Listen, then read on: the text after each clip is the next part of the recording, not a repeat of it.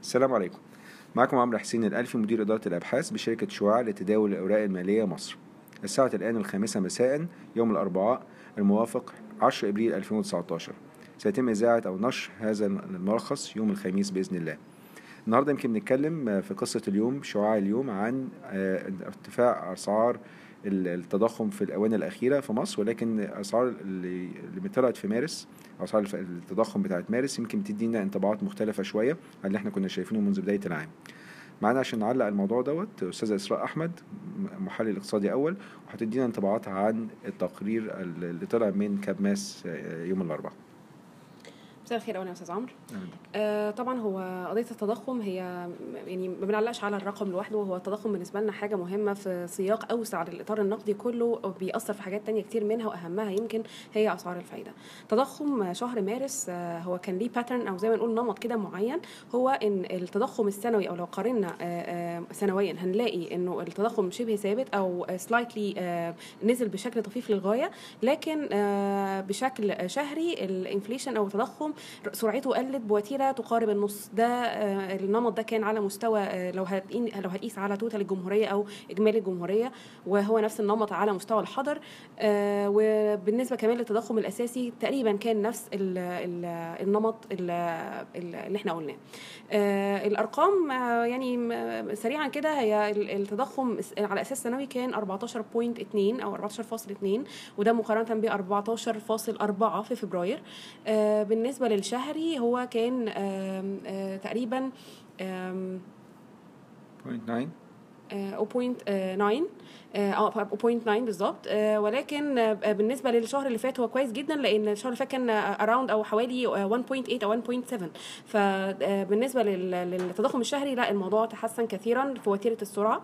لكن الفكرة إنه توقيت آه، معدلات التضخم دي آه، آه، هو اللي شوية حاططنا في موقف حرج نوعا ما ويمكن هو اللي هيبص عليه البنك المركزي الفترة الجاية لأن إحنا داخلين على مواسم بطبيعتها فيها تضخم عالي آه، وفيها تسوق كتير زي موسم رمضان والعيد آه، كل سنة والجميع المستمعين بخير. وكمان يليها آه، فترة آه، إصلاح. الموازنة ورفع الدعم وإجراءات إصلاحية مالية كثيرة من شأنها إن هي تزود التضخم. وبالتالي إحنا متوقعين إنه آه، الفترة اللي جاية دي يمكن الشهرين اللي جايين متوقعين ثبات أو وجود معدلات تضخم شبه بشبه نفس المعدلات اللي إحنا شايفينها حاليا ما بين 13 ونص و14 أو 14 ونص خلال إبريل ومايو. بالذات كمان لأن أثر الأساس مش مساعد قوي على انخفاض كبير في الفترة دي.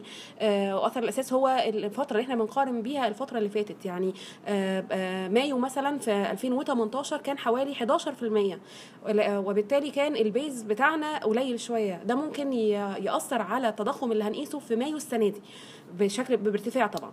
وبالتالي ممكن نقول إن الفترة دي ممكن نشوف فيها ما بين 13 ونص 14 ونص في المية كمعدل سنوي.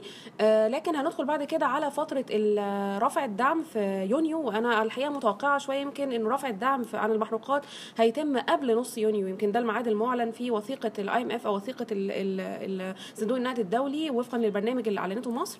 ولكن إحنا شايفين إنه غالبا ممكن يبقى بدري عن كده. يمكن حوالي الأسبوع الأول أو في مواسم الأجازات والأعياد بطبيعتها لأنها مواسم غير مزدحمة ك ك كحياه يومية عادية في مصر. لا هي مو- مواسم هادية. نوعاً العيد. يعني بعد أجازة العيد. بالظبط تمام. طب ده تأثيره إيه على الأسعار الفايدة؟ لأن إحنا دلوقتي شفنا البنك المركزي رفع خفض الفايدة 1% في نص منتصف فبراير. وهل ده هيخلي الفيو بتاعنا يتغير من إحنا دلوقتي كان في استقرار في أسعار الفايدة؟ لحد الآن عندنا فايدة حقيقية موجبة. نزلت دلوقتي أو ارتفعت شوية دلوقتي لواحد آه، واحد ونص فاصل تقريباً. خمسة خمسة- 55 من 100% تمام طيب ده هل يغير ال view على اسعار الفايدة في بقية السنة؟ آه، هو إحنا لسه محتفظين بال view بتاعتنا انه آه، في خفض السنة دي من 1 ل 2% بالكتير. إحنا already شفنا آه، آه، 1% في فبراير وكنا محتفظين برؤية للتثبيت في مارس علشان نفس العوامل اللي إحنا ذكرناها ليها علاقة بمواسم التضخم وطبعا عوامل أخرى. ولكن الفترة دي إحنا شايفين تثبيت. آه، هل في احتمال خفض آه، آخر ولا لأ؟ ممكن يكون في احتمال هو غير مستبعد اطلاقا لكن بعد زوال أو بعد انقضاء مواسم ال- ال- التضخم زي ما بنقول ممكن ده آه، في يكون في الفترة الأخيرة يمكن آخر اجتماعين اللي هي تقريبا منتصف إن لم تخني الذاكرة منتصف آه، آه، آه، نوفمبر واخر ديسمبر لأن بالذات ساعتها كمان هيساعد البنك المركزي على ده آه، اثر الأساس آه، اللي إحنا كنا بنتكلم عليه لأنه نفس الفترات دي خلال السنة اللي قبلها اللي هي 2018 كانت مرتفعة وبالتالي قراءات التضخم للسنة اللي بعدها هتبقى منخفضة نسبيا وبالتالي ممكن جدا ينتهز الفرصة إذا آه، كانت الظروف العالمية مواتية وظروف دخول الأجانب وغيرها من العوامل التانية اللي بيبص عليها المركزي لو آه، كانت مواتية لخفض واستقرار. البترول برضو أسعار السلع عالميا بتاثر جدا وبالتالي شايفين إن ده ممكن جدا لو ظروف كانت مواتية مع آه، أرقام التضخم اللي هتساعده ساعتها آه، لو المستمعين متذكرين آه، أسعار البطاطس اللي قفزت في أكتوبر وسببت أسعار تضخم عالية جدا أو معدلات تضخم عالية جدا ممكن أكتوبر السنة آه، 2019 دي لما نقارن الأرقام نلاقيها انخفضت وبالتالي ده ممكن يساعده إن هو ياخد كده زي ما نقول ياخد اللقطة إن هو يلحق يخفض 1% كمان قبل السنة ما تخلص وده مش مستبعد اطلاقا لكن ساعتها طبعا الظروف هي اللي هتتحكم في الموضوع. تمام.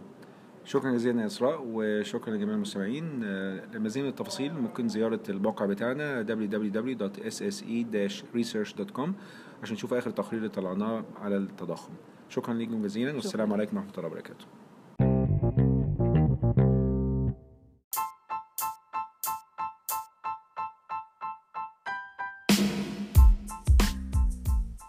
إن هذا الملخص الصوتي هو لأغراض المعرفة فقط ولا يمكن اعتباره عرض شراء أو بيع أو إدارة استثمارات أو خدمات استشارية. ينصح باستشارة مستشارك المالي قبل اتخاذ أي قرار استثماري.